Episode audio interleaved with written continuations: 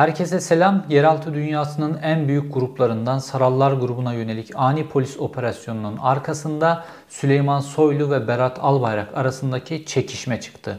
Berat Albayrak yeniden sahneye döndü ve Süleyman Soylu'nun finans ayağına yönelik çok büyük bir darbe indirdi Sarallar operasyonuyla. Aslında Sarallar Berat Albayrak'la da samimiydiler. Ne oldu da Berat Albayrak'la ilişkileri koptu? Ne oldu da Süleyman Soylu'nun finans ayağı haline gelecek kadar Süleyman Soylu'yla içli dışlı hale geldiler? Ve Süleyman Soylu'nun oğlunun İstanbul'da aracının Yunus polisleri tarafından durdurulduğu sırada aracından çıkan yeraltı dünyasının çok önemli bir ismi ki o zaman aranıyor ve bunun yansımasıyla Berat Albayrak'la bazı yeraltı dünyası gruplar arasındaki iplerin tamamen kopması ve bugüne geldiğimiz noktada Berat Albayrak, Süleyman Soylu, Sarallar, Sedat Peker dengesinde değişen bütün ilişkilerin hepsini aydınlatabilecek, bunlara ışık tutabilecek yine dop dolu, yine bilgi dolu bir videoyla karşınızdayım.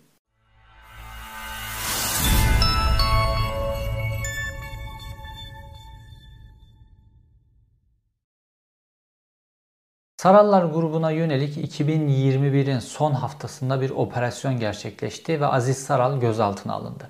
Aziz Saral, Sarallar grubunun aynı zamanda Ankara'daki ayağı ve Beysukent'te özel olarak korunan Cemerlar tarafından, sinyal kesici Cemerlar tarafından korunan dinlenemez bir üste yaşayan bir isim. Aynı zamanda bu Sarallar grubunun ekonomisini yöneten, daha doğrusu Sarallar grubu adına bu sanal bahis, bet vesaire bu işlerde tahsilatları yapan bir isim olarak kayıtlarda yani parayı yöneten bir isim. Bir önceki videoda detaylı biçimde anlattım. O videoya gidebilirsiniz. Aziz Saral 15 Temmuz akşamı Süleyman Soylu ile birlikte TRT'ye giden iki gruptan bir tanesi Sarallar ve e, Ayhan Bora Kaplan diye tamamen Süleyman Soylu'nun Ankara'da oluşturduğu tamamen onun mamülü olan bir mafya grubu var. Bir de Sarallar gibi güçlü, çok sayıda adamı olan bir isim olan Aziz Saral da o gece Süleyman Soylu'nun daveti neticesinde TRT binasına silahlı adamlarıyla birlikte gidiyor. Şimdi Aziz Saral böylesine kritik bir adamken alındı ki Cumhurbaşkanı'nın danışmanı Oktay Saral'ın akrabası ki şimdi emniyetteki bütün kilit noktaları tutan geçmişin efsanevi emniyet müdürlerinden Cevdet Saral'ın da aynı zamanda yeğeni durumunda. Ki Cevdet Saral daha sonra MHP'den Trabzon Belediye Başkanı adayı da olmuştu. Şimdi bu Sarallarla ilgili meseleyi anlayabilmek için filmi biraz geriye sarmam gerekiyor. Çünkü bu Sarallar olayını ortaya çıkardıktan sonra çok sayıda bu Sarallar, Süleyman Soylu, Berat Albayrak arasındaki ilişkiyle ilgili bilgiler akmaya başladı. Ve bu Berat Albayrak konusu bu konuda oldukça kritik bir nokta. Çünkü Berat Albayrak rövanş için dönmüş durumda. Şimdi Sarallar ee, geçmişte yani Adalet ve Kalkınma Partisi'nin özellikle 2010 e, yılından sonra böyle 2015'lere doğru giderken iyice artık böyle yeraltı dünyasıyla, mafyayla, suç örgütleriyle böyle etle tırnak haline geldiği yıllarda Saralların da oldukça parladığını görüyoruz. Ve bu dönemde Saralların hem Berat Albayrak'la araları iyi hem Süleyman Soylu ile araları iyi. Çünkü Berat Albayrak özellikle İstanbul Adliyesi, İstanbul Emniyeti vesaire bunlar üzerinde çok etkin. Süleyman Soylu da zaten İçişleri Bakanı olduktan sonra Emniyet Teşkilatı'nda etkin olduğu için Süleyman Soylu ile de aralarını çok iyi tutuyorlar. Aynı zamanda da işte hemşerilik şu bu filan gibi mevzular da var işin içerisinde. Fakat Gel zaman git zaman çok enteresan bir hadise oluyor ve bu hadiseden sonra işlerin rengi tamamen değişiyor. Berat Albayrak'la Süleyman Soylu'nun arasındaki gerilimin böyle çok yükseldiği bir dönem vardı. Berat Albayrak'ın bakan olduğu dönemde. Hatta Süleyman Soylu Berat Albayrak'a böyle bir omuz atmıştı filan. Süleyman Soylu'nun o zaman havasından geçilmiyordu. Cumhurbaşkanının damadına omuz atabilecek kadar cüretli bir adamdı. Çünkü arkasında aynı zamanda yeraltı dünyasından da gruplar, finans ayağı, Milliyetçi Hareket Partisi filan çok havalıydı. Daha henüz Sedat Peker onun havasını aşağıya indirmemişti. İşte o günlerde Berat Albayrak, Süleyman Soylu'nun böyle adım adım adım Tayyip Erdoğan'ı da devirecek kadar Adalet ve Kalkınma Partisi içerisinde örgütlendiği, arkasına mafya, yeraltı dünyasından farklı grupları da aldı. Dolayısıyla Tayyip Erdoğan'ın kendisine mukavemet edemeyeceği kadar güçlü bir noktaya doğru kendisini taşıdı ve özellikle teşkilat başkanlığı olduğu dönemde de AKP'nin pek çok teşkilatlarına kendi adamları yerleştirdiğine ilişkin bir analiz yapıyordu. Ve Berat Albayrak diyor ki Tayyip Erdoğan'dan sonra benim veliaht ama Süleyman Soylu giderek güçleniyor ve Tayyip Erdoğan sonrasında ben Süleyman Soylu'ya karşı duramam gibi bir fikre kapılıyor. Bir analiz yapıyor ki doğru bir analiz. Ve Berat Albayrak bu horozun kafasını erken keselim diye harekete geçiyor. İşte o günlerde medya birkaç tane bilgi yansıdı. Daha doğrusu o günlere ilişkin daha sonradan bilgi yansıdı. Bunlardan bir tanesi Berat Albayrak'ın organize ettiği bir polis grubunun Süleyman Soylu'nun telefonlarını dinlediği ve Süleyman Soylu'dan Süleyman Soylu'nun ilişkileri, bütün bu aile ilişkin bilgileri elde ettiklerine ilişkin bir haberdi ve Süleyman Soylu bu haberde kendisi mağdur olarak gösteriyordu. Ben İçişleri Bakanı olmama rağmen emrimdeki polisler benim telefonlarımı yasa dışı biçimde dinlemişler. Sonra ne oldu? Bu polisler sürüldü vesaire oraya buraya gönderildiler. Ama Berat Albayrak o polislere sahip çıktı. İşte bu dinlemeler, dinlemeler sürecinden elde edilen bilgilerden bir tanesi de Süleyman Soylu'nun Sarallarla da arasının samimi olduğu. İşte bu bilgi elde edilince Berat Albayrak açısından Sarallar grubunun e, işi bitiyor. Berat Albayrak Sarallar grubunun üzerini çiziyor. Fakat ilk olarak Berat Albayrak'ın asıl hedef aldığı isim Sedat Peker. Çünkü Sedat Peker daha popüler, sokakta gücü var. Sedat Peker bir fenomen. Sedat Peker'in paylaşımları çok etki uyandırıyor. Sedat Peker daha çok gündemde, Sarallar daha çok bilinmiyor. Ama baktığımızda ki evet gerçekten Sedat Peker bir fenomen, kitleleri etkiliyor, medyada haber oluyor, açıklamalarıyla medyayı nasıl kullanacağını filan biliyor. Fakat maddi güç açısından karşılaştırdığımızda Sarallar daha büyük bir maddi güç. Saralların demir, çelik, alüminyum fabrikaları var. Sarallar bu bet işinde neredeyse Türkiye'de tekel haline gelmişler. Milyarlarca liralık bir sektör burası. Ve ayrıca Sarallar bir aile. Sedat Peker aslında baktığımızda yalnız bir adam. Etrafındaki adamlarıyla, onu sevenleriyle vesaire onlarla bir ağ kurmuş durumda. Fakat Sarallar çok geniş, güçlü bir aile. Trabzon'dan Samsun'a, İstanbul'a vesaire oralara kadar çok geniş bir aile. Dolayısıyla e, Berat Albayrak bir taraftan Sarallara yönelik e, dosyaları hazırlarken diğer taraftan da e, Sedat Peker'le ilgili dosyalara hız veriyor. Fakat Sedat Peker devlet içerisinde Sarallardan daha e, çok bilgi sahibi olduğu için Sedat Peker bunu erken zamanda öğreniyor. Bu teze göre deniyor ki Süleyman Soylu Sedat Peker'den kurtulmak istiyordu. Çünkü Sedat Peker Süleyman Soylu'nun mazisine dair çok fazla şey biliyor. İşte DYP Genel Başkanlığı döneminde onu korumuş, kongrede aday olabilmesini sağlamış vesaire. Süleyman Soylu'nun background'una ilişkin, arka planına ilişkin çok fazla şey biliyor ve Süleyman Soylu da artık kendi kendisine ait mafya gruplarını yükseltmek istiyor ve mazisine ait bu kadar çok şey bilen bir isimle artık yürümek istemiyor ve üstelik Süleyman Soylu'nun paraya ihtiyacı var. Sedat Peker'in ona sağlayacağı o böyle kamuoyunda bilinirliğe ihtiyacı yok. Çünkü kendisi İçişleri Bakanı olarak Sedat Peker kadar sağlam, Sedat Peker kadar e, ileri noktaya gidebilecek milliyetçi açıklamaları zaten yaparak o Sedat Peker'in de ulaştığı milliyetçi kitleye zaten ulaşıyorum diye düşünüyor Süleyman Soylu. Dolayısıyla Sedat Peker'den kurtulma fikrine Berat Albayrak'ın Sedat Peker'e yönelik hazırlattığı İstanbul Adliyesi'nde hazırlattığı dosya bir ışık olarak yanıyor ve Süleyman Soylu normalde emniyet tamamen emrinin altında bu operasyonu sızdırabilir, bütün detaylarını verebilir vesaire. Dolayısıyla Sedat Peker'in bu operasyondan kurtulabilmesini sağlayabilir ya da operasyonu blok edebilir noktadayken iddiaya göre, bu teze göre Süleyman Soylu bu operasyona yol veriyor. Yani burada bir taşla birkaç kuş vurmak istiyor. Hem Sedat Peker'le Berat Albayrak düşman olacak hem Berat Albayrak eliyle Sedat Peker'den kurtulmuş olacak. Hem de Sedat Peker alandan bir şekilde çekildiği zaman o alanı kendi grupları tarafından doldurtacak.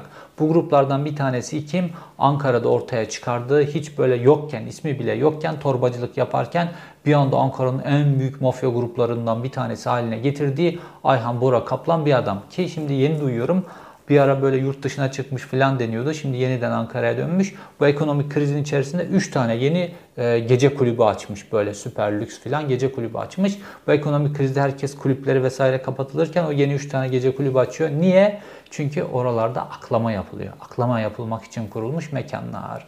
Bir diğeri de saralları böyle güçlendirip özellikle bu bet alanında filan tekel haline getirip onlardan elde edeceği parayla siyasi finansmanını sağlamak. Süleyman Soylu'nun hikayesi bu şekilde kurulmuş vaziyette ilerliyordu. Fakat o günlerin öncesinde yani Süleyman Soylu'nun bu telefonlarının dinlenmesi sürecinde aynı zamanda Süleyman Soylu'nun oğlunun bazı aktiviteleriyle ilgili de bilgiler elde ediyor Berat Albayrak. Ve Süleyman Soylu'nun oğlu bir gün Yunus polisleri tarafından aniden çevriliyor. Ve çevrildikten sonra Süleyman Soylu'nun oğlu ve yanında bir arkadaşıyla birlikte aracı durduruluyor. Şimdi o günlerde Süleyman Soylu'nun aracında bulunan bu arkadaşının kim olduğuna ilişkin hiçbir bilgi ortaya çıkmamıştı. Fakat Süleyman Soylu aracı durdurulunca oğlunun sürekli İstanbul Emniyet Müdürü'ne ulaşmaya çalışıyor. O zaman İstanbul Emniyet Müdürü Mustafa Çalışkan ve Berat Albayrak'ın en has adamı, halen daha en has adamı Mustafa Çalışkan emrinde bulunduğu İçişleri Bakanlığı'nın telefonuna çıkmıyor. Ve İçişleri Bakanlığı'nın oğlu orada 40 dakika kadar durduruluyor ve iddiaya göre İçişleri Bakanlığı'nın oğlunu oradan o Yunusların elinden kurtaran kişi e, meşhur Ethem Sancak'ın yeğeni Murat Sancak o devreye giriyor da ancak kurtarabiliyorlar. Onun bağlantıları sayesinde kurtulabiliyor. Fakat bu bir gözdağı. Onu orada 40 dakika tutmak. İşte aracında e, eroin bulunması, aracında uyuşturucu bulunması ile ilgili vesaire bazı konular gündeme getirilmişti. Fakat aracındaki o ikinci kişiyle ilgili bugüne kadar hiçbir e, bilgi ortaya çıkmamıştı. İşte Sarallara yönelik operasyon bu bilginin de aynı zamanda ifşa olabileceği bir ortam ortaya çıkardı. İddiaya göre o gün Süleyman Soylu'nun oğlunun aracında yanında bulunan kişi Alaaddin İlyas Saral'dı. Bu Sarallar grubunun iki numaralı ismi. Alaaddin İlyas Saral o günlerde aranıyordu aynı zamanda. Başka bir suçlama nedeniyle aranıyordu. Ve düşünün İçişleri Bakanlığı'nın oğlunun aracında e, mafya e, ile ilgili organize suçlarla ilgili suçlardan aranmakta olan Türkiye'nin en büyük yeraltı gruplarından bir tanesinin iki numaralı ismi bulunuyor. Bu nasıl bir fotoğraf? Bunun vereceği manzara, bunun ortaya çıkmasıyla Süleyman Soylu nasıl baskı altında olacak? Fakat Süleyman Soylu o günlerde siyaseten bunun içerisinden çok güzel biçimde sıyrılıyor. Süleyman Soylu çok iyi biçimde mağdur oynadığı gibi da Devlet Bahçeli ile ilgili bağlantılarını da kullanarak ve Tayyip Erdoğan'ın da o günlerde Süleyman Soylu ile böyle arasında bir mesele yok. Çok ciddi bir gerilim yok Süleyman Soylu ile arasında. Hatta Süleyman Soylu'nun ona hizmet ediş biçimi, o milliyetçi kitleleri tahrik etme biçimi vesaire o günlerde Tayyip Erdoğan'ın yelkenini doldurduğu için Tayyip Erdoğan'ın Süleyman Soylu'ya ihtiyacı var ve Süleyman Soylu ile Berat Albayrak'ın arasındaki bu kavgayı sürekli yatıştırma pozisyonunda o günlerde. İşte bu iklimi o günlerde Süleyman Soylu iyice kullanarak bir telefonlarının dinlenmelerinden elde edilen bilgiler iki oğlunun bu skandala karışmasından kendisini sıyırıp alıyor Süleyman Soylu. Fakat ortada ilginç bir durum oluyor. O güne kadar Berat Albayrak'la Saralların arası da iyiyken o günkü bu kontağın böyle bu şekilde açığa çıkmış olması ve telefonlarda dinlemelerinden elde edilen bilgilerle birlikte Berat Albayrak Sarallarla olan ilişkisini kesiyor.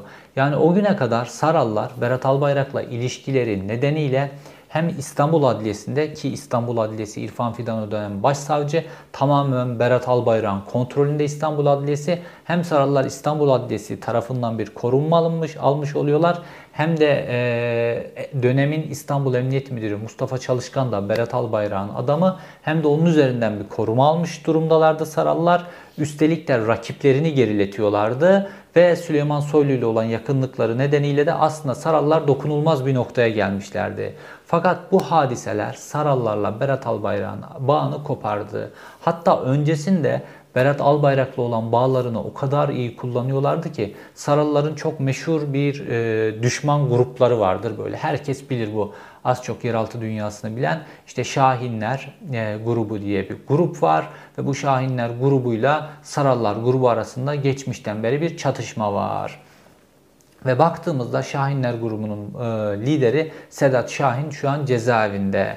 Ve Sarallar grubu e, tam en kritik noktada e, iddiaya göre e, İstanbul Adliyesi'ndeki bağlantılarını kullanarak Şahinler grubunun lideri ve bütün üyeleri hakkında cemaat soruşturmaları başlatıyorlar. Şimdi o günün ikliminde yani birkaç yıl öncesinden bahsediyoruz. Cemaat soruşturması açılan bir grup hareket edemez hale geliyor. Ve bu hareket edemez hal felç hali de tabii ki Sarallar grubuna çok büyük bir avantaj sağlıyor. Aradan zaman geçtikten sonra işte Berat Albayrak'la bu ilişkileri kopunca Sarallar grubunun, Şahinler grubunun üyelerinin hepsi de cemaat soruşturmalarından aklanıp çıkıyorlar ki zaten Sedat Şahin de Şahinler grubunun da cemaatle hiçbir alakaları yok. Fakat o süreçte aynı şekilde Sedat Şahin İstanbul Silivri'den İzmir cezaevine sürülüyor. Yani kendi yapılanmasını yönetmesi daha zor olsun diye Saralların arası Saralların önü daha iyi açılsın diye Sedat Şahin de aynı şekilde sürülüyor. Yine de Sarallar bu işten yaralı çıkmalarına rağmen Berat Albayrak gücünü giderek kaybettiği için bu ekonomik kriz ve onun yansımaları ile ilgili uğraşması nedeniyle ve sonunda da koltuğunu kaybetmesi nedeniyle Sarallar yeniden rahatlıyorlar. Tabi bütün bu dönemde Saralların önünü e, Süleyman Soylu otobana çeviriyor. Bu işte sanal bet, kumar, başka meseleler filan bunların hepsinde inanılmaz güçleniyorlar ve çok büyük bir ekonomik güç haline geliyorlar Sarallar. Fakat Berat Albayrak eninde sonunda sürekli kafasında kurduğu o rövanşı yeniden sahneye koymak için işte 2021'in son haftasında devreye girdi ve Süleyman Soylu'nun finans ayağına yönelik çok ciddi bir darbe vurdu. Berat Albayrak'ın dönüş süreciyle rövanş sürecini eş zamanlı olarak yürüttüğünü görüyoruz ve dönüş sürecinde ilk adım olarak Ekonomi Bakanlığı değiştirdi ve kendisinin kapı kulu olarak görülen kendisinin emrinden asla çıkmayacak Nurettin Nebati'yi getirip Ekonomi Bakanlığı'na oturttu. Ve hepimiz biliyoruz ki Nurettin Nebati Ekonomi Bakanlığı'nı yönetmiyor. Ekonomi Bakanlığı'nı şu an Berat Albayrak yönetiyor. Zaten Nurettin Nebati de artık kendisine gizlemediği biçimde uzun saatler Berat Albayrak'ın evine ziyaretlerde bulunuyor ve oradan aldığı talimatlarla Ekonomi Bakanlığı'nı yönetiyor. Şimdi Berat Albayrak bu dönüş süreciyle ilgili atılmış bir adım. Bir de rövanş süreci var. Ve bu rövanş sürecinde de bir numaralı hedef Süleyman Soylu. Şimdi Berat Albayrak geçmişe göre daha avantajlı durumda rövanş alabilmek için. Geçmişte Süleyman Soylu'nun sürekli olarak yükselen bir eğrisi vardı arkasında çok geniş halk kitleler vardı. İşte bir karizma oturtmuştu kendisine göre vesaire. Milliyetçi, şahin, dediğim dedik, kabadayı falan böyle bir imajı vardı Süleyman Soylu'nun.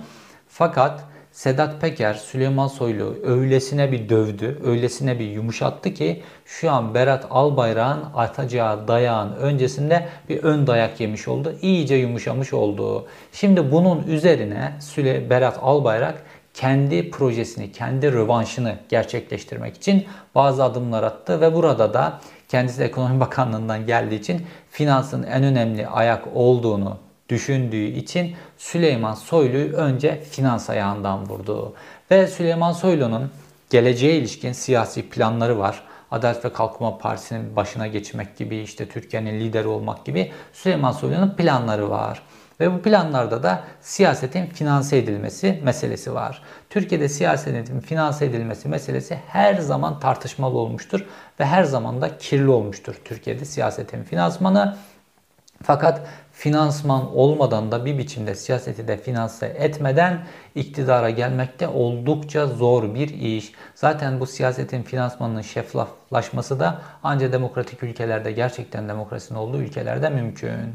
Şimdi burada Süleyman Soylu da kendisine göre siyasetini finanse edebilmek için ve sokaklarda güç işte kongrede bir çatışmalı durum olduğunda kendisini destekleyebilecek gruplar olsun vesaire diye bu Sarallar grubunu da Ayhan Bora Kaplan'ı da çok güçlendiriyordu. Fakat Ayhan Bora Kaplan grubunu şu an Sarallar grubuyla karşılaştıramayız. Sarallar dev ona göre.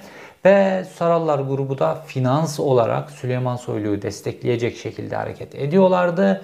Ve işte bu noktada Sarallar grubuna yönelik ani bir polis operasyonu gerçekleşti.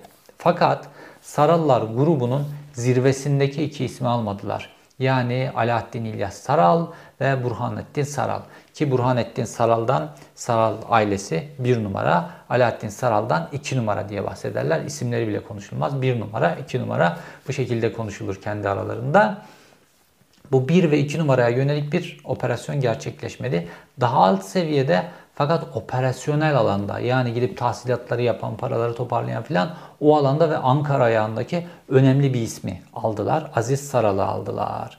Şimdi bu alımla birlikte bir pazarlık masası açılmış oldu aynı zamanda.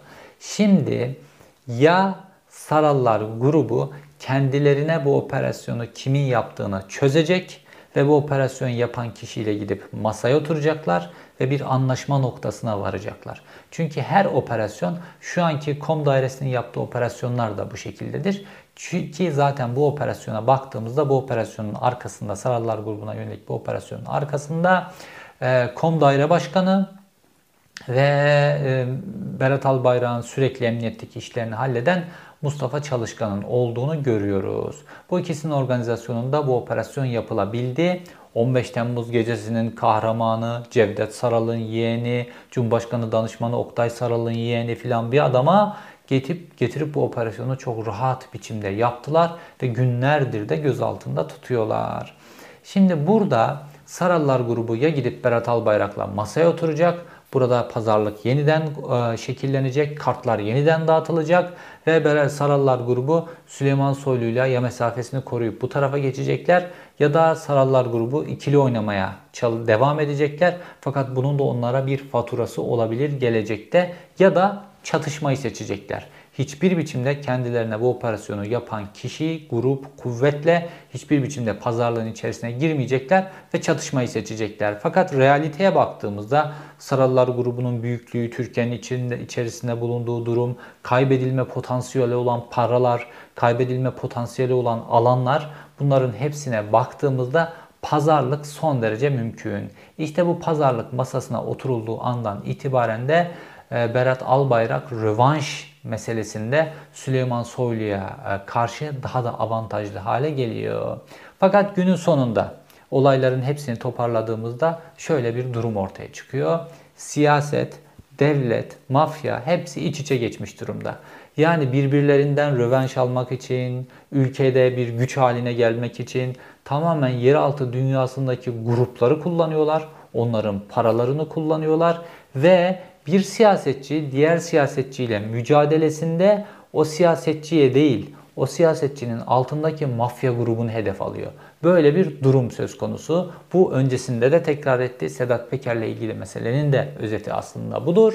Fakat Sedat Peker süreci kendisine göre yönetti ve belki de şu an Sedat Peker Süleyman Soylu'yu bu kadar dövdükten sonra kendisi için Berat Albayrak'la pazarlık masasına oturabileceği bir alan da oluşturmuş olabilir. Eğer Berat Albayrak'ta birazcık kafa varsa bu pazarlık masasına bu şekilde gelir ve oradan da ayrı hadiseler ortaya çıkmış olabilir.